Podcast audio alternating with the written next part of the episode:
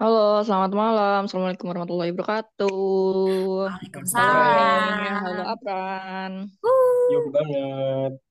Halo semua pendengar-pendengar eh, ngopi daring pada sore, malam, pagi. Eh, untuk kali ini di episode ke-14 kita Ih. akan melanjutkan eh, obrolan-obrolan gak jelas yang kita gitu ya.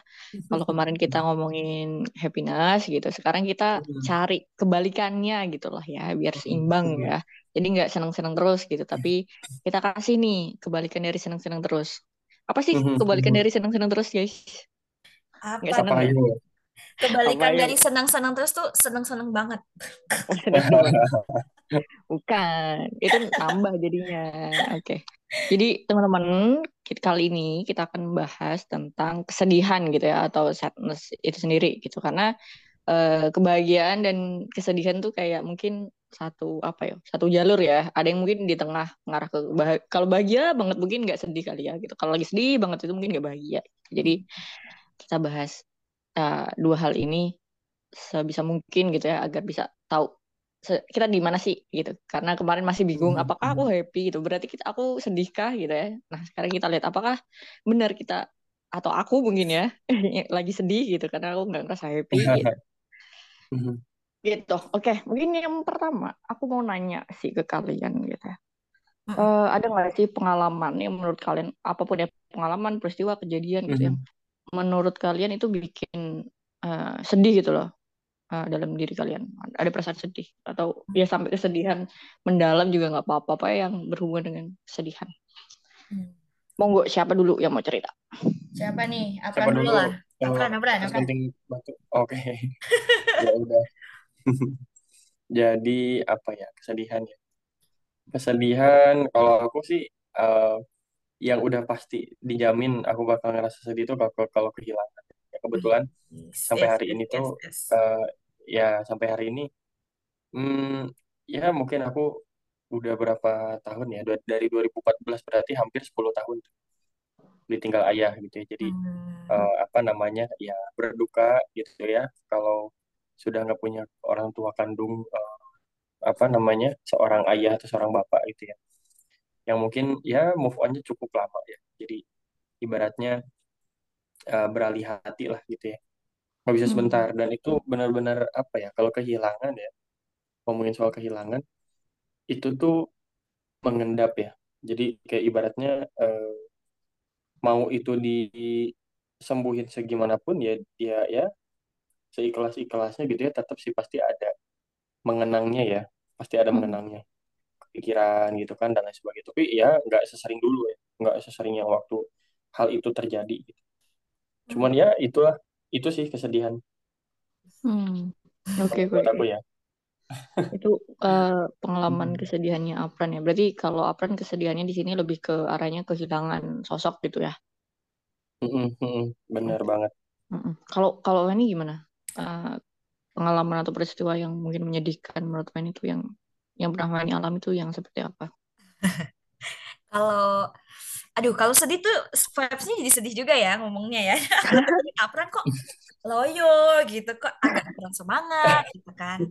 Ya nggak memang biasanya ya Ya, karena memang yang bahasanya sedih gitu ya. Cuma hmm, kalau aku pengalaman sedihnya, kalau apa yang tadi kehilangan, kalau aku pengalaman, aku nggak tahu. Eh, karena kemarin aku habis belajar ya. Jadi kita harus bedakan mana emosi dan mana perasaan. Kalau mungkin eh, perasaan itu lebih kompleks daripada emosi, ada reaksi fisiknya misalnya kayak gitu.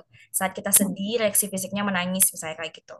Eh, itu kan Mhm. emosi gitu. Nah, aku tuh emosi kan kalau sedih itu menurutku sadness itu kan kumpulan dari beberapa macam emosi lainnya gitu ya kesel dan sebagainya gitu nah aku tuh lebih sedihnya itu karena kesel sama diriku karena aku nggak bisa berbuat apa-apa. Jadi ada satu kondisi eh, di mana aku tuh eh, gimana ya? Agak sedih ya ngomongnya. Intinya gimana gimana? eh ya ada satu kondisi. Ini kayaknya baru-baru lah kayaknya 2021 ya pas aku lagi kerja gitu. Jadi satu kondisi di mana aku tuh nggak pengen itu tapi dan dan itu diberikan ke aku tanpa tanpa aku mau gitu ya. Bukan maunya konteks ini bukan sesuatu yang sebenarnya aku nggak kehendaki dan itu diberikan karena aku nggak punya kuasa di situ. Nah, aku paling salah satu yang menurutku yang paling mengesalkan di diriku adalah ketika sesuatu hal itu aku nggak punya power untuk merubah itu dan aku diletakkan pada satu kondisi yang sebenarnya aku nggak iya benar kayak nggak punya power untuk merubah itu dan rasanya aku dimainkan kayak gitu itu paling kesel sih menurutku gitu dan dan di situ aku saking sedihnya sama diriku aku sampai kayak reaksi fisikku adalah nangis terseduh-seduh sampai kayak sampai kayak gimana sih? Kayak apa sih rasanya? Lehernya sakit gitu loh kayak I can't breathe gitu loh kayak gitu. Jadi ya kondisi di mana aku tidak bisa berbuat apa-apa dan dan dan ya aku nggak bisa berbuat apa-apa terhadap satu kondisi yang nggak aku sukai gitu.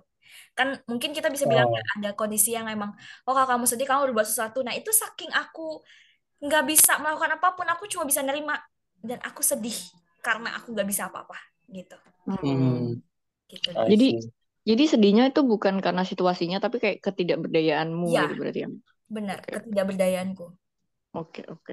Oke, menarik. Ini berbeda-beda nih ya eh, kesedihan yang dialami masing-masing nih.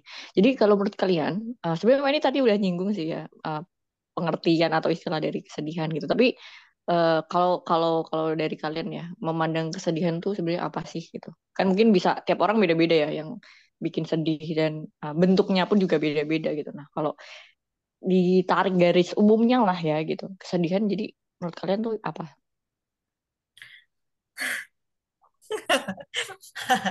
Siapa dulu nih Apran lah biar aku mikir aku dulu.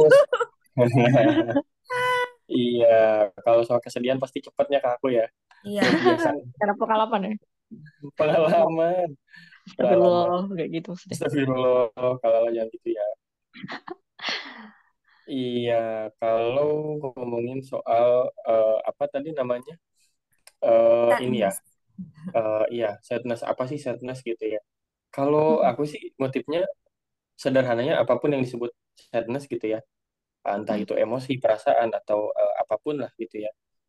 Eh, menurutku itu hal yang mendahului kebahagiaan sih. hmm. Uh, Jadi Hmm. ya menurutku orang tuh nggak akan ngerasain bahagia kalau dia nggak pernah ngerasain eh, kesedihan gitu. Ibaratnya eh, indikator seseorang itu mulai merasakan atau mulai bisa someday punya keniscayaan lah ibaratnya Eh, atau ya kita bilang keniscayaan mungkin ya. Dia bisa ngerasain bahagia kalau awalnya dia pernah ngerasain kesedihan. Kayak ibaratnya apa ya? Eh apa ya namanya? Ya sebenarnya itu paradoksialnya ya. Kalau Mm-mm. kalau ini ini paradoksial ya. Konteks paradoksial tuh gini. Kayak kalau kata Suji Tejo ya, dunia itu nggak ada yang nggak paradoks katanya. Eh, bahkan sel-sel di tubuh kita setiap detiknya itu mati dan juga memulai kehidupan baru. Jadi Hmm. kayak eh, di satu sisi di satu detik yang sama mati, tapi juga mulai hidup yang baru. Jadi kayak ibaratnya apa ya? eh, hidup itu sebenarnya paradoksial. Eh, ketika kita sedang merasakan malam, belahan dunia lain itu di waktu yang sama sedang melaku- mela- sedang merasakan siang. Jadi kayak ya kalau menurutku kesedihan itu paradoksialnya eh, apa kebahagiaan sadness itu paradoksialnya sih kebahagiaan. Hmm. Orang nggak mungkin ngerasain bahagia kalau dia nggak ngerasa kesedihan itu apa dan atau kayak aku tuh ngerasa sedih nggak ya? Dan ketika dia bisa overcome itu, ketika dia bisa eh, apa namanya eh, compete dengan beberapa situasi yang membuat dia sedih, maka gejala-gejala kebahagiaan bakal muncul. Hmm. Menurutku gitu sih. Agak panjang ya. Iya, ya, menarik, menarik. Oke, oke, oke. Lanjut, kalau ini gimana? Nggak, maksudnya apa langsung membuka dengan wow gitu ya. Iya, langsung bam. Harusnya Mei dulu kali ya. Wow, harusnya aku dulu nih. Ah, salah nih. Langsung bam tuh gimana? Langsung kayak, aduh, aku gak punya bahasan lagi nih. Oke, aku akan membahasnya secara teori. Aduh. Pasti, Wen. Teorinya, Nggak, Wen. Jadi kalau memahami, ya jelas ya, kalau bahas happiness, uh, sadness, ness-ness itunya lagi gitu ya.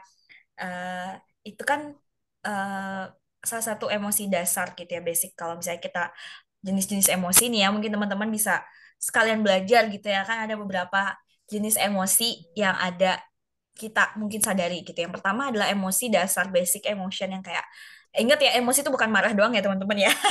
Yang pertama ada senang, sedih, eh, kemudian marah, jijik, takut, terkejut itu kan basic emosi. Nah, yang itu tuh menurut betul. dia menghasilkan beberapa emosi gabungan gitu. Misalnya kita sedih dan digabungkan dengan rasa marah itu mungkin bisa jadi arahnya mungkin ke kecewa gitu. Atau eh, mungkin sedih di di eh, apa namanya digabungkan sama emosi lain dia bisa jadi jadi, jadi menyesal dan sebagainya gitu. Jadi menurutku aku nggak bisa bilang uh, suatu emosi sedih itu tuh adalah dia tuh berdiri sendiri menurutku. Kayak tadi aku tuh sedih tuh karena rasa uh, marah ke diriku aku nggak berdaya tadi dan sebagainya gitu. Dan itu menghasilkan beberapa uh, emosi gabungan lain. Misalnya kayak tadi aku kecewa sama diriku dan sebagainya gitu. Jadi secara teori ini aku bahas secara teori ya teman-teman. Kayak sok pinter banget. Ya tapi itu sih basic hal yang perlu teman-teman ketahui gitu terkait uh, emosi sedih gitu. Dan aku setuju banget sih yang Apran bilang gitu. Karena semakin kita menyadari menyadari juga dan juga teori itu kan sebenarnya eh teori lagi secara teori juga emosi itu kan bentuknya roda ya. Jadi nggak mungkin itu tuh akan berada di satu posisi doang pasti akan berputar. Ada yang mengawali ada yang mengakhiri. Misalnya diawali dengan kebahagiaan habis itu berakhir dengan kesedihan mm-hmm. kemudian ber, uh, balik lagi ke bahagia atau sedih ke bahagia gitu. Dan menurutku yang paling unik dari sebuah emosi itu adalah kita nggak akan sadar suatu emosi itu kalau nggak ada lawan dari emosi itu tadi Misalnya, hmm. kita nggak akan tahu Betul. apa itu bahagia kalau kita nggak tahu itu sedih, gitu.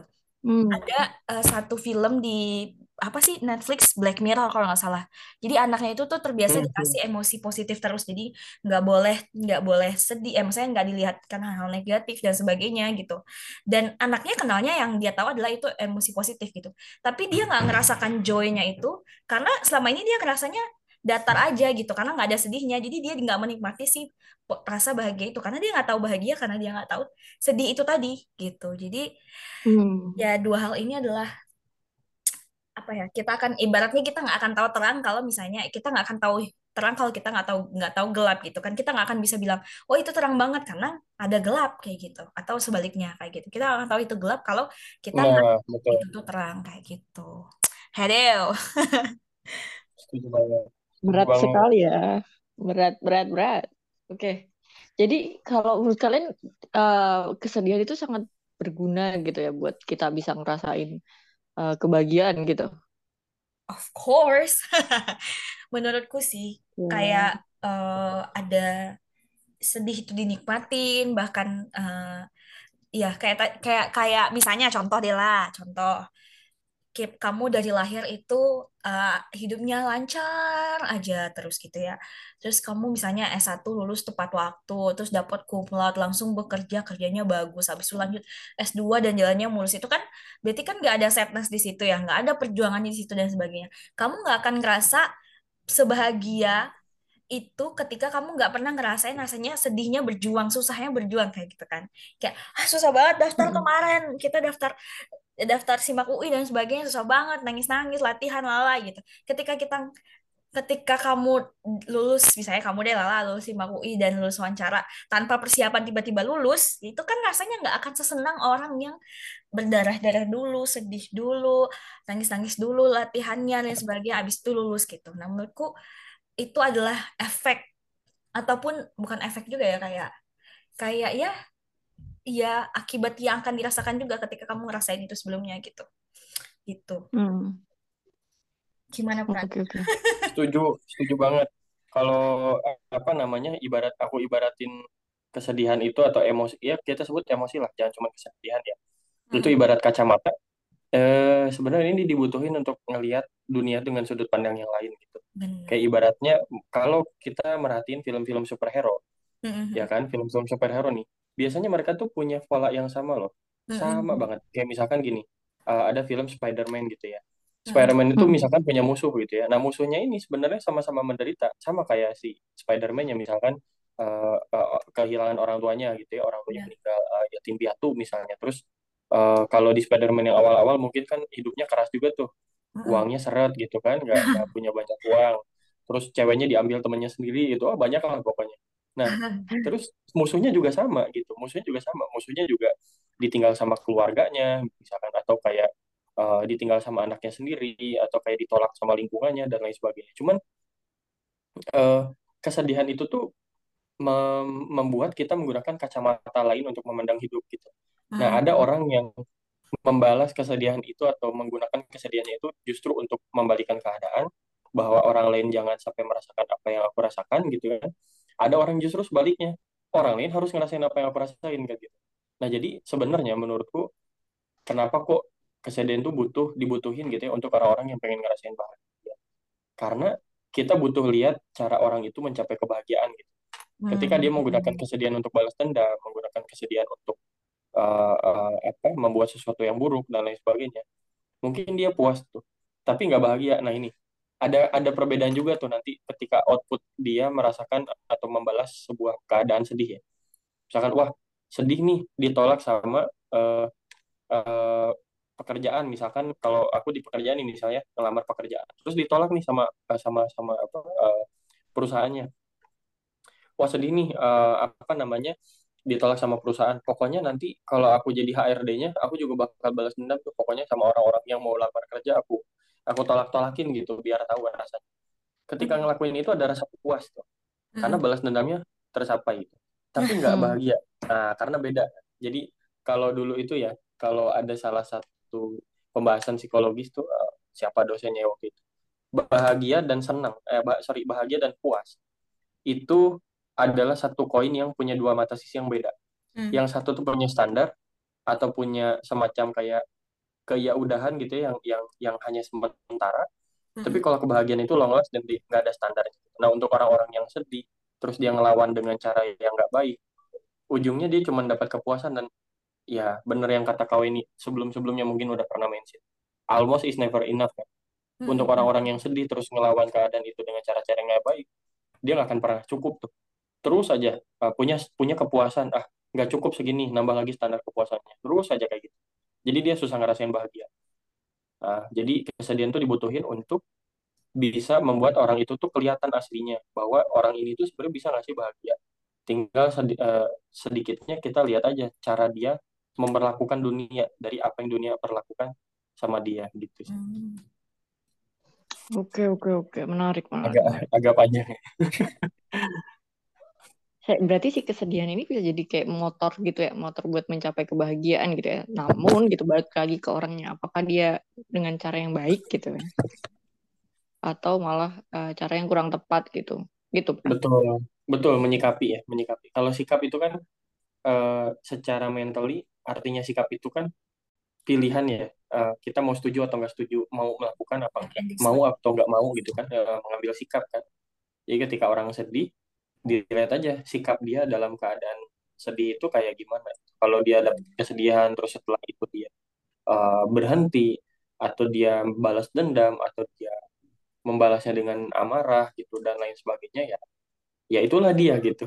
Jadi kesedihan itu ya membantu orang itu untuk mendapatkan sesuatu. Ketika dia mem mem membuat kesedihan itu lebih positif, terus dia dapat penerimaan dari, dari orang lain, dia dapat dukungan dari orang lain, dia diapresiasi sama orang lain kan muncul ke kebahagiaan gitu muncul muncul titik-titik cerah di mana oh oke okay, ternyata aku nggak sendirian ternyata aku sudah berbuat baik gitu ya ternyata aku diterima oleh lingkungan dan lain sebagainya. Hmm. gitu ceritanya. Hmm. ceritanya. Oke oke cerita siapa Bran oke. Tapi ngomongin uh, kesedihan itu paradoks dari kebahagiaan sekarang aku balik ya. Hmm buat orang yang bahagia gitu. Berarti dia harus kayak wajib nggak wajib sih maksudnya dia perlu juga gitu untuk uh, merasakan kesedihan gitu meskipun dia udah bahagia. Nah gimana kan itu kan dari bawah misalnya dari bahagia ke sedih eh dari sedih ke bahagia. Nah kalau kita balik kalau dari bahagia ke sedih hmm. gimana dong? Kayaknya ini adalah sama bahasan kita yang sebelumnya kayak bersedihlah secukupnya tadi kayak frekuensinya tadi gitu ya kayak bukan hmm. waktunya jangka waktunya gitu karena kalau maksudnya ada peribahasa yang bilang oh iya kalau kamu senang siap-siap sedih gitu karena mm, bener, karena bener. gini karena gini um, emosi itu uh, akan terasa ketika gimana ya uh, gimana ya nyebutnya ya aduh susah nih aku jelasin gini hmm, emosi itu uh, sedih, senang, bahagia gitu ya. Kalau waktunya panjang banget, dia nggak akan berarti nggak berasa se, se menyenangkan itu atau nggak sesedih itu, paham nggak sih? Kalau misalnya kamu udah kelamaan sedih, akhirnya udah biasa, ya nggak? Nah, Hmm. kalau kamu udah kelamaan biasa seneng, akhirnya senengnya jadi biasa. Contoh, kamu suka makan nasi goreng atau nasi padang misalnya gitu. Kalau kamu makan nasi padang setiap hari, nasi padang itu nggak akan jadi spesial lagi ketika kamu udah makannya setiap hari kayak gitu. Tapi, Ah, nah, paham, paham, tapi kalau kamu makannya sekali-sekali, misalnya aku sebagai orang Padang asli, karena dulu aku sebagai orang Padang, jadi aku kalau pas nyampe di sini di Jawa, aku pilih nasi Padang tuh bukan pilihan utama gitu, karena menurutku itu bukan, maksudnya aku udah biasa gitu loh makan nasi Padang. Beda sama teman-temanku kayak, ayo makan nasi Padang, makan nasi Padang gitu, karena mereka nggak biasa gitu. Nah, tapi ketika aku makan nasi Padangnya sekali-sekali, rasa nikmatnya tuh nikmat banget kayak gitu enak banget kayak gitu. Nah, gitu juga kebahagiaan ketika itu sudah berkepanjangan itu nggak akan jadi kebahagiaan lagi karena kita udah biasa gitu loh. Makanya ada Hmm. kesedihan yang menetralkan kondisi itu, oh membuat kita balik lagi ke kondisi awal, terus kebahagiaan itu akan rasa nikmat lagi. Begitu juga kalau kita sedih terus kan rasanya kayak, wah udah biasa nih sama sedih gitu. Ketika ada bahagia, terus ketika sedih lagi, nah kayak gitulah. Kayak gitu sih. Oke, oke. Oke. Mantap nggak jawabanku? mantap, mantap, Padang. mantap. Itu sangat Nasi sangat Padang. menggambarkan ya. Oke, Kamu jadi lapar. sama aku juga mau makan ah habis ini nasi padang. Makan malam. Belum juga Terus. Lanjut, terus Pak. ya guys, terus terus gini kan berarti kita harus eh, eh, bahagia secukupnya, sedih juga secukupnya gitu. Berarti kalau kalau bahagia kan kita bisa tadi yang Apran bilang sedih disikapi dengan positif bisa bahagia gitu. Berarti kalau bahagia disikapi negatif gitu biar dapat sedihnya atau gimana maksudnya kadang maksudnya aku aku tiba-tiba kepikirannya iya ya kita bisa mengusahakan kebahagiaan tapi eh, kesedihan tuh kadang tidak bisa kita usahakan bahkan datangnya tiba-tiba gitu kan Gimana tuh, Pran? Hmm. Apa? Kesedihan itu nggak bisa kita usahain. Eh, Tapi sebenarnya kalau bahagia tadi kan sebenarnya eh mm, saya, saya- kalau kalau kalau sedihan tadi disikapi positif kan untuk eh, bisa mencapai kebahagiaan lah ini gitu berarti kalau bahagia harus disikapi Kalau bahagia bisa di- bisa bisa mengusahakan kesedihan apa enggak gitu ya. ya untuk menyeimbangkan tadi Eh, ya Oke, ini kita permainan logika. Oke, kita mulai dengan analogi mungkin ya. Kita mulai dengan analogi. Sekarang kita ganti eh, premis A dan premis B. Waduh, Nggak, maksudnya gini. Kita kita ganti eh, asal kata sedih dengan miskin dan asal kata bahagia dengan kaya. Eh, Analoginya gini. Orang yang mulai yang tadi aku bilang, orang tuh mulai dengan kesedihan dulu, nanti dia bisa ngerasain yang namanya bahagia tuh murni kebahagiaan itu kayak gimana. Nah, Mm-mm. sama misalnya kita boleh nggak mulai hidup dengan kemiskinan? Boleh nggak? Boleh banget. Boleh juga nggak dengan dengan kekayaan? Boleh, gitu nggak ada yang salah. Mm-mm. Cuman orang yang terlahir memang pada dasarnya tidak kaya, ya misalnya, let's say kasarnya ya kita sebut eh, eh, eh, apa ya kemiskinan gitu ya. Eh, seiring berjalannya waktu dan seiring banyaknya usaha, terus dia merasa ka- eh, mendapatkan kekayaan, itu akan lebih jauh terasa gitu ketimbang orang yang dari awal tuh udah kaya, kaya, kaya, kaya, kaya terus. mm-mm. Terus pertanyaannya kan simpelnya gini dianalogikan tadi pertanyaan kalian. Bisa nggak sih orang sedih mengusahakan bahagia? Bisa. Orang miskin mengusahakan kaya. Mm-mm. Tapi orang kaya mengusahakan miskin bisa nggak? Oh bisa banget. Bisa banget dong. Gini misalnya, misalnya gini. eh kalau misalkan aku udah, oh aku udah ngerasa punya dan lain sebagainya nih. Misal, ya sudah. Caranya untuk tidak punya uang sederhana aja. Nggak usah dapat penghasilan, ya kan? Resign dari pekerjaan, jual semua barang-barang, hidup dengan tidak punya sama sekali gitu ya. Cuman mengirimkan eh, semua apa yang aku punya ke orang lain gitu ya, memberi, memberi dan lain sebagainya selesai. Clear Hmm. tuh habis gitu ya, jatuh lagi ke kemiskinan. Tapi kan masalahnya eh, sama kayak analogi orang kaya ke orang miskin gitu. Yang Mm-mm. tertinggal itu kan mindset. Jadi ketika dia pun mengupayakan kemiskinan, ya bukan masalah bisa nggak bisa gitu. Tapi mau nggak mau, sebenarnya bisa-bisa aja kalau diupayain. Sama orang bahagia ke sedih juga sama gitu. Dia merasa, oh bisa dong nge- ngusahain kesedihan tuh bisa banget. Contohnya apa? Mm-mm. Terlalu banyak mikirin masa lalu gitu ya. Terlalu banyak mikirin kesedihan Mm. masa lalu. Cuman mindsetnya mau apa nggak mau itu doang. Jadi kayak ibaratnya eh, eh, ya mengupayakan kesedihan tadi ya itu bukan soal masalah bisa nggak bisa gitu. Tapi kalau misalkan dari dari sedih ke bahagia memang iya berawal dari mindset mau nggak mau juga. Tapi di situ ada keharusan. Eh, ibaratnya ada keharusan tuh gini. Kita pada dasarnya sebagai manusia itu kan punya uh, apa ya punya naluri untuk menghindari kematian. Hmm. sedih hmm. itu ada indikator atau uh, apa ibaratnya ada aspek di mana uh, mengarah ke kedukaan ibaratnya gitu mengarah ke hal yang sifatnya tadi kehilangan dan atau kesusahan keburukan dan lain sebagainya dan nalur naluriah wajar banget manusia itu punya keharusan untuk menghindari hal-hal kayak gitu jadi ada semacam dorongan yang berbeda antara orang bahagia kalau disuruh sedih sama orang yang sedih yang disuruh bahagia gitu. Dorongannya beda. Tapi pertanyaan bisa apa enggak? Bisa banget. Tinggal pilihannya mau apa enggak. Cuman yang tadi ya, kalau misalnya dia berjalan dari titik kesedihan atau titik kemiskinan pas nyampe kekayaan atau kebahagiaan, yang tertinggal di situ adalah mindset. Gue udah tahu kok rasanya sedih, sedih tuh kayak gimana. Gue udah tahu kok rasanya miskin tuh kayak gimana. Sehingga kebahagiaan itu cenderung menjadi mindset yang bikin dia long last karena oh tahu kok gue tahu bounce back-nya gitu uh, kayak ya itu orang kaya yang tiba-tiba jatuh miskin misalkan kan yang tadi kalau bilang kan miskin nggak bisa dikondisikan dia datang datang tiba-tiba sama orang yang tiba-tiba bangkrut itu bisa jadi tidak terprediksi dia tiba-tiba jatuh miskin tapi mindsetnya tertinggal oh saya tahu hmm. rasanya kayak kayak gimana saya tahu rasa bahagia tuh kayak gimana gitu. dan saya harus mengupayakan itu lagi bounce back-nya jadinya cepat okay. gitu ceritanya aku, aku tahu nih lah maksud Lala nih Gimana kawan? Enggak, maksudnya benar yang Aparan bilang gitu. Tapi ada mungkin kita bisa uh, ada lagi Aparan juga benar gitu ya, karena ada pilihan mau dan nggak mau. Dan uh, logikanya ada nggak sih orang pasti mau dari miskin ke kaya, tapi jarang nggak sih orang dari kaya mau ke miskin gitu kan? Logikanya kayak gitu. Begitu juga kayak dari sedih ke seneng itu udah jelas mereka uh, pengen seneng gitu, tapi dari seneng ke sedih itu beda lagi karena masing-masing term itu ada ada ada beda beda masing-masing kondisi itu beda sebutannya. Misalnya, orang yang dari sulit ke susah atau dari senang ke dari sedih ke senang itu ibaratnya dia punya resiliensi yang tinggi lah, dia berusaha gini-gini. Sebutnya dia punya resiliensi gitu. Tapi kalau kamu orang yang dari dan resiliensi itu kan arahnya ke psikologi positif ya, kondisi yang positif gitu ya.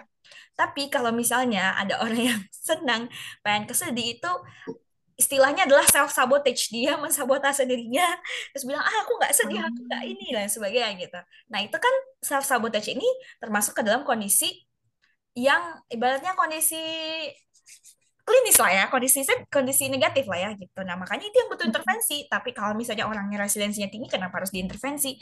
Tapi kalau misalnya orangnya dari senang pengen kesedih itu kan ada hal yang salah quote unquote ada yang salah gitu ya. Dia mensabotase dirinya atau apa gitu. That's why itu ada kondisi itu. Ada orang-orang kok yang kayak tidak apa namanya kayak pas lagi kondisi senang enggak enggak aku nggak senang aku nggak boleh senang aku ini aku harus sedih kayak gini gini mensabotase diri. Hmm. harga dan sebagainya gitu.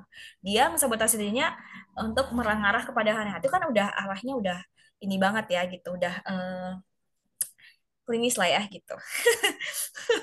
Oh enggak lah paham paham. Uh, tuh kalau lah jadinya kan klinis ya. Iya. Iya iya. Nah, ya, kalau yang ini ibaratnya kan arahnya orang positif negatif. Nah, dia tuh lebih arahnya orang-orang yang di kurva negatif, bukan kurva normal gitu, bukan kurva positif gitulah. Ya. Tapi aku jadi kepikiran gara-gara itu tadi Bani aku bilang uh, senengnya jangan uh, berlebihan nanti uh, kaget kalau datang sedih gitu kayak. Nah, aku nangkapnya gini. Ah, bisa aku tiba-tiba kepikiran karena aku aku pemegang pemegang apa ya? Pemegang omongan itu gitu. Kalau seneng jangan berlebihan gitu. Abis itu oh, nangis aku kan kamu nanya tadi ya. Jangan-jangan kamu self sabotage ya, karena jadi kayak gitu. Tiba-tiba tuh misal seneng nih. Wah apa nih? Nanti abis ini ada apa nih? Gitu. Tiba-tiba oh. tuh kayak ngerasa gitu. Oh. janganlah hmm. jangan, jangan terlalu seneng lah gitu. Jangan terlalu seneng gitu. Karena berusaha di uh, tengah-tengah itu biar ketika sedihnya itu nggak terlalu sedih. Karena uh, merasakan kebahagiaan yang berlebihan itu gitu. Makanya aku tadi nanya gitu kan hmm. oke. Okay. hmm. menarik okay, menarik. okay. kalau kalau lo sering emang ngelakuin kayak gitu? Aku malah jadi apa yang nanya ya? Uh, beberapa hmm, ya sering sering tapi nggak sering banget ya. Tapi pasti sih. Pasti gimana dong kamu nggak nggak. Eh kalau kalau lagi lagi terutama lagi sendiri sih. Kalau misal bareng-bareng tuh kayak ya udah seneng-seneng aja, gitu. Tapi setelah itu kayak hmm. ya aku seneng-seneng abis ini mesti ada enggak gitu. Dan sering sering terjadi juga gitu. Ternyata yang aku feelingin tuh bener gitu. Hmm. misal kayak kemarin aku Hmm. nonton eh, nonton konser. Habis itu kayak ada kabar gak enak gitu kayak Hmm. nangis langsung di di konser ketawa-ketawa pulang-pulang nangis gitu kan. Oh, untuk apa ya untuk nah terus aku jadi kepikiran berarti apakah kalau kayak gitu eh tetap dengan yang tadi Wendy bilang ya senang secukupnya sedih secukupnya atau eh, kita ya udah maju mundur aja biar tetap kita bisa merasakan senang gimana sedih gimana Hmm. atau atau Maju kayak aku mundur. sekarang, tetap di netral aku nggak mau sedih aku nggak mau seneng gitu Oh, I see. Aku coba jawab dulu ya biar nggak kehabisan bahasan dari Apran. Boleh banget. Kalau kalau yang Lala bilang ini, ini hubungannya sama uh, roda emosi. Jadi di antara emosi itu ada yang namanya roda emosi. Dan roda emosi itu salah satunya adalah antisipasi gitu. Jadi ada Hmm, setuju. ada uh, uh, ada pasrah, ada muak, ada antisipasi. Nah, hal ini lebih ke antisipasi gitu di antara emosi senang ke sedih. Misalnya dari senang ke sedih ada orang yang memilih untuk kayak pasrah misalnya kayak itu. Dari senang ke sedih itu ya udah pasrah gitu. Ada yang namanya lala itu untuk sebelum suatu itu terjadi lala antisipasi menurutku kayak gitu dan dan it's totally fine tapi menurutku jadinya kalau orang yang terlalu antisipasi itu tadi dia jadi nggak menikmati momen ketika dia senang itu tadi gitu maksudku adalah bersedihlah secukupnya itu adalah uh, bukan yang berarti kamu harus uh, apa ya pas lagi sedih kamu mikirin yang senang. Eh pas lagi senang kamu antisipasi buat sedih terus akhirnya kamu nggak flowing ke sedihnya itu bukan gitu. Tapi lebih ke maksudnya adalah oh ada waktu-waktu di mana kamu akan sedih ada waktu-waktu di mana kamu yang akan senang gitu. Jadi ketika kamu lagi senang dinikmatin aja. Ketika lagi sedih dinikmatin aja karena akan senang kayak gitu. Karena akan ada waktu senang kayak gitu. Nah menurutku ada mungkin orang-orang yang menikmati ya antisipasi itu kayak oh biar aku siap-siap gitu. Tapi menurutku itu akan mengurangi uh, apa namanya yang istilahnya Pak Pak ini dosen kita aduh aku lupa lagi. Mindfulness. Oh, mindfulness. Mindful. oh. Ya gitu. Even in the worst uh, dalam maksudnya dalam sedih itu ya dinikmati senang itu ya dinikmati. Kayak gitulah maksudku. Gitu. Oke. Hmm. oke oke. Iya, paham, paham. jadi jadi aku aku semakin sadar kenapa kemarin pas part kebahagiaan aku nggak merasa karena mungkin aku nge nge-hold itu kali ya. Jadi kayak aku nggak mau bahagia banget aku nggak mau sedih banget. Padahal sebaiknya gitu ya ya udah nikmatin aja gitu ya. Bahagia mah bahagia sedih mah sedih gitu ya. Setuju, banget. setuju. Oke dari apa tambahan kah Kalau aku sih sama ya sama Kak Weni. Jadi apa namanya? eh, tapi ya kalau pakai analogi ya tadi yang tadi gitu ya, kayak kalau pakai analogi kaya dan si kaya dan si miskin gitu ya. Orang kaya kan wajar kalau kalau hati-hati takut jatuh miskin kan. Kayak wah, Hmm. habis ini gue ngambil keputusan salah nggak? Habis ini gue bakal spend the money eh, dengan cara yang salah nggak gitu dan lain sebagainya. Ya sama mungkin Kalala tuh sedang mempertimbangkan cara untuk mengekspresikan bahagianya tuh berlebihan apa enggak. Berlebihan tuh means maksudnya kayak kalau dalam uang spend money-nya tuh kebanyakan gitu. Wah, gue lagi punya duit nih. Udahlah hambur-hamburin. Nah, eh, ketika hal itu berasa gitu ya kayak berasa waduh kayak dompet udah kok udah mulai nggak tebel lagi Eh, pasti muncul lah rasa-rasa gitu ya hati-hati gitu kayak eh, aduh nanti kalau nggak diberhentiin atau nggak kayak gini jatuh miskin nggak ya gitu atau dan lain sebagainya jadi menurutku hal yang wajar cuman benar yang kawin tadi bilang. Kesedihan itu sendiri tuh malah bisa jadi disengaja atau bisa jadi justru muncul karena kita terlalu fokus sama cara kita hati-hati akan mengekspresikan apa yang kita eh, anggap eh, senang atau kita anggap bahagia gitu kayak tadi. Jadi eh, ketika orang lain itu sedih karena nggak punya orang ini justru sedih karena nggak eh, punya tapi takut kalau misalnya nanti nggak punya gitu kayak Hmm. ibaratnya terlalu eh, terlalu memikirkan bagaimana nanti kalau udah sedihnya. Lah udah sedih duluan itu dia berarti udah curi start gitu. Benar-benar ibaratnya gitu kayak lagi curi start lagi sedih senang dah senang iya lagi curi start sedih gitu lagi senang senang tiba-tiba mikir gimana ya kalau gue nanti sedih? Gimana ya gimana ya? Saking seringnya nanya kayak gitu kan malah jadi curi start. Udah sedih dulu atau belum belum mulai sedih udah mulai sedih. Iya. Gitu ya itu mungkin yang tadi diomongin kau ini bisa jadi itu self sabotage juga ya. Nah, entah apa pun sebutannya itu ya cuman ya bisa jadi itu mungkin ya kontekstualnya Iya. Atau curi start kesenangan aja nggak apa-apa, jangan curi start sedih. Jadi pas kamu sedih, ya udah aku senang gitu. Gak apa daripada curi start sedih kan lucu ya. Menarik gitu. Tadi kan Kesenangan. contoh restart sedih ya gitu. Nah, sekarang gimana nih tips and trick atau yang teman-teman atau kalian bisa lakukan gitu untuk mencuri start start bah, mencuri start uh, kebahagiaan atau seneng itu gitu. Waduh. Tadi kan contoh yang start Berat. ini ya, ini start ke bahagia gitu biar sedihnya tuh dinikmati dan bisa jadi semangat untuk nyuri start kebahagiaan. Gimana Pran? Kak. Oh, kalau aku ini bakal ada cerita pengantar dulu nih agak panjang kayaknya kawan harus duluan. Hmm, aku ya. Kalau aku mm, menurutku ya sepengalamanku se seusiaku ini gitu ya. Menurutku cara emang menurutku keyword yang baik untuk keyword, eh, maksudnya keyword yang baik untuk eh, kita bahas Setnas hari ini adalah kita boleh kok curi start untuk bahagia walaupun kita lagi sedih. Nah, caranya adalah selama aku mencoba ini adalah dengan men, men- mentertawakan eh, gimana ya?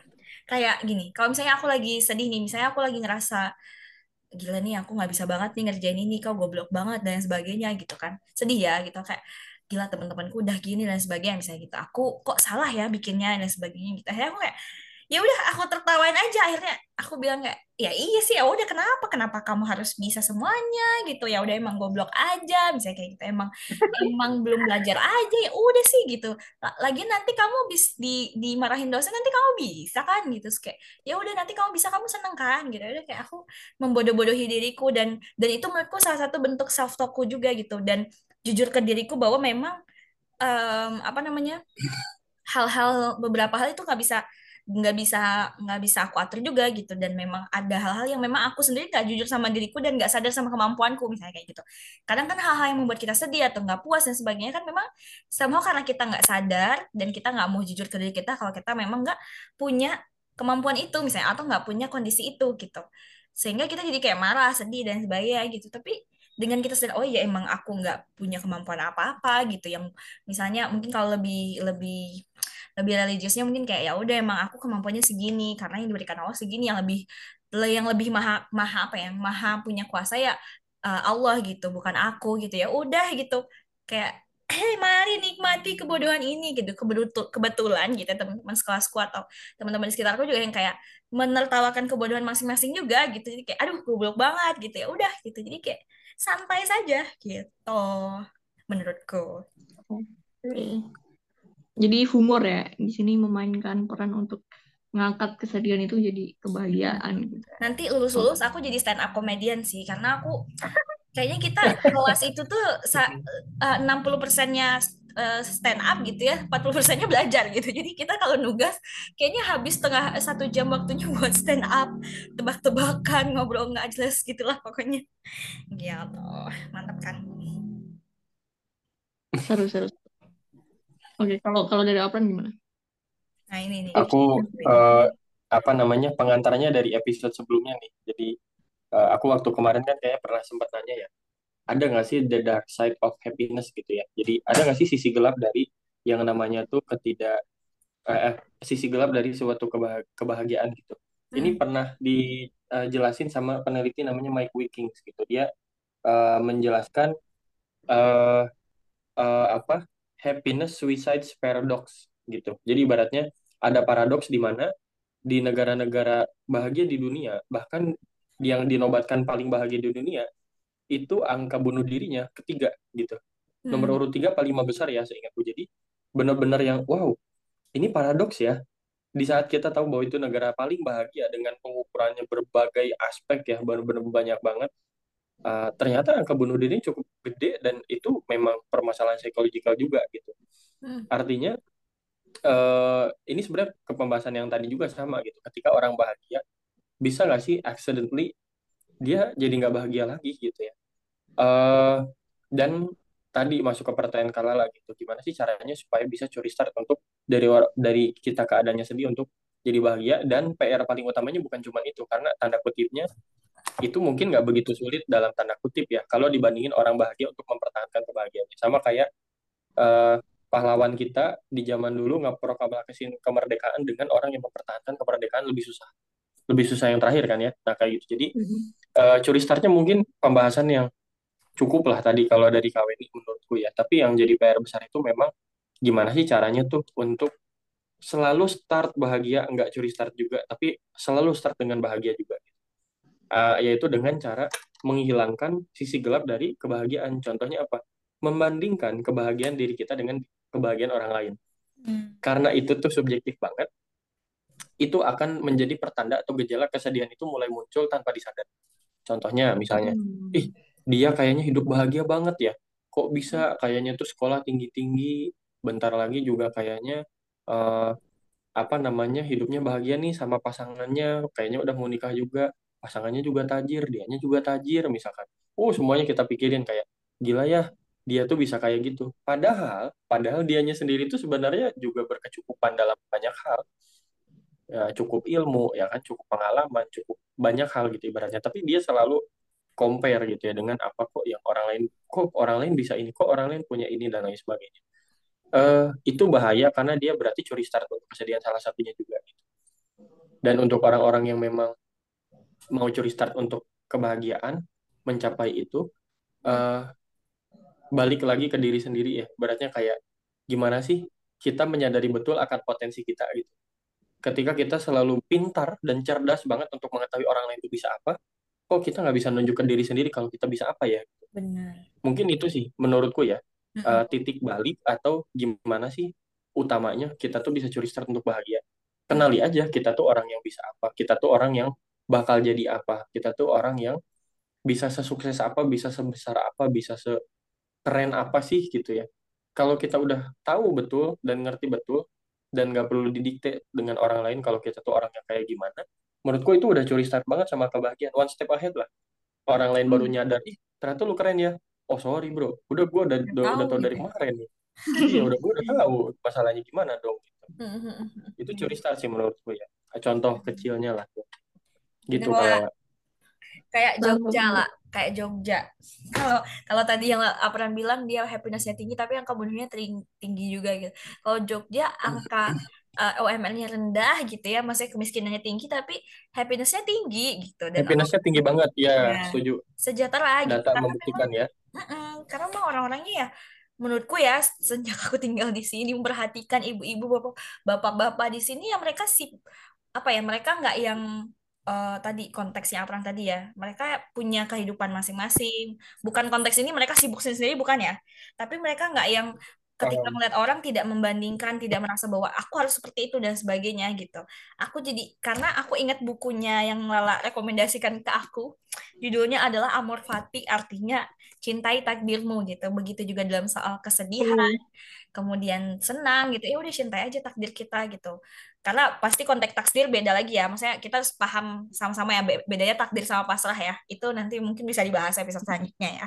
Tapi ya kalau misalnya memang itu di luar maksudnya udah kondisinya seperti itu udah terjadi gitu ya berarti kan ya udah cintai takdir kita gitu lagi sedih gitu kayak orang-orang di sini santai aja hidupnya santuy guys gitu aku berkaca banget sih sama orang-orang di sini gitu hmm. menarik menarik menarik banget sih gila gila gila contohnya konkret banget sih ya misalnya real real nyata gitu ya hmm. bagian selalu bersandi dan mungkin kesedihan gitu ya Benar. Menarik, menarik, menarik. Oke. Okay. Wow. Wow. wow, wow. Gimana lah? Udah terbuka belum kan Lala nih yang membawa tema ini dan Lala ya, sudah belajar terbuka gitu ya. Kayak kemarin aku yang yang apa ya tim men, memperdebatkan kebahagiaan gitu. Dan di sini aku mempertanyakan kesedihan gitu. Karena aku gak ngerasa sedih tapi aku gak ngerasa bahagia juga gitu. Dan aku menemukan jawabannya. Ternyata kebahagiaan dan kesedihan itu kalau kata ini uh, roda emosi gitu ya. Jadi ya bisa sedih bisa senang dan itu selalu bergantian gitu. Dan uh, menarik sih tadi ada curi saat kebahagiaan gimana yang apa bilang tadi. Uh, kenali diri sendiri dan untuk memanage kebahagiaan kita juga pun gitu ada cara-cara yang bisa kita lakukan gitu membandingkan diri kita dengan orang lain oke okay, oke okay.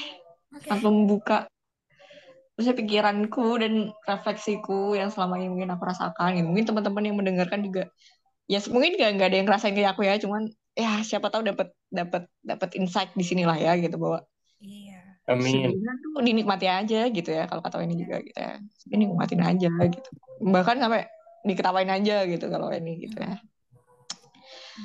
Wow. Menarik menarik. Suka suka suka suka. Thank you guys sudah mau membukakan pikiranku gitu ya. Emang kayak gini sih harus diobrolin gitu ya. Kalau diomongin atau dibikin sendiri tuh bisa pusing-pusing sendiri gitu kalau diobrolin. Kita perspektif dengerin itu sama podcast kita juga nggak apa-apa guys. Iya, informasi tipis-tipis. mungkin kita tidak tahu gitu teman kita tahu gitu. Nah mungkin yang yang dengerin dan udah tahu dan udah hatam kayak gini boleh di share lah ya podcast kita gitu. Biar teman-teman yang nggak tahu tuh jadi tahu gitu kayak teman-teman yang udah tahu gitu kan. Jangan lupa tadi eh, kita bahas kebahagiaan di kemarin-kemarin juga didengerin ya biar kita tahu bahwa kebahagiaan tuh uh, standarnya beda-beda gitu yang tadi disebut juga eh, di di mana ya yang negara paling bahagia ternyata bunuh dirinya tinggi. Dan di Jogja yang mungkin UMR-nya paling rendah ternyata paling bahagia dan silakan teman-teman tonton lagi yang kemarin untuk menentukan kebahagiaan yang ingin teman-teman capai atau teman-teman raih. Dan tonton tonton lagi salah ya? Dengerin maksudnya. Dengerin. Hmm, ha- kali ini juga karena kita bisa aware juga untuk kita tidak terlalu dalam kesedihan. Hehe, Thank you guys. mantap. Yuhu banget. Oke, mungkin kita akhiri saja ya obrolan kita kali ini biar tidak ada pertanyaan-pertanyaan yang membingungkan lagi. Mungkin tadi ya yang Wendy bilang kita bahas apa tadi Eh, takdir kali ya atau apa ya? Wah, setuju banget. Setuju banget Setuju banget. Memoris hati, gitu kan? Cintai takdirmu. Biar kita tahu gimana kita eh, bisa mencintai takdir itu tanpa pasrah gitu ya atau gimana tadi? Ya, Hai takdir. bukan pasrah tapi mencintai takdir gitu ya. Nantikan buat kita selanjutnya episode 15 mungkin mungkin ya mungkin akan itu. Ha-ha. Jadi untuk kali ini kita akhiri saja kawan-kawan. Terima kasih sudah meluangkan waktunya Sampai dari aku. Mungkin closing statement kali ya. Tadi aku udah banyak udah mau Oke. tutup masih statement. Oh iya ya boleh boleh boleh. Boleh Ini- apran lah apran. Aku closing statementnya apa ya, teman-teman? Kalau untuk yang merasa sedang merasa sedih sekarang, ingat saham itu ketika turun ada naiknya. Dan biasanya orang beli saham pas harganya lagi turun. Jadi teman-teman mem- memper- teman-teman memperlihatkan kesedihan, habis itu pasti ada yang chat, "Hai, kenapa?" Jadi Hmm. jangan jangan jangan dibawa galau, yakin aja bahwa teman-teman tuh nggak akan kenapa-napa dan bakal bounce back, nggak akan lama kok gitu. Itu sih paling. Oke. Nah ini kasih Wan. Kalau aku Dan kalau sama kan. eh, aku cuma mengingatkan aja kalau lagi sedih nggak apa-apa kok untuk curi start buat senang. Dadah. Bye bye. Dadah. Terima kasih. Bye bye. Bye. Bye bye. Bye bye.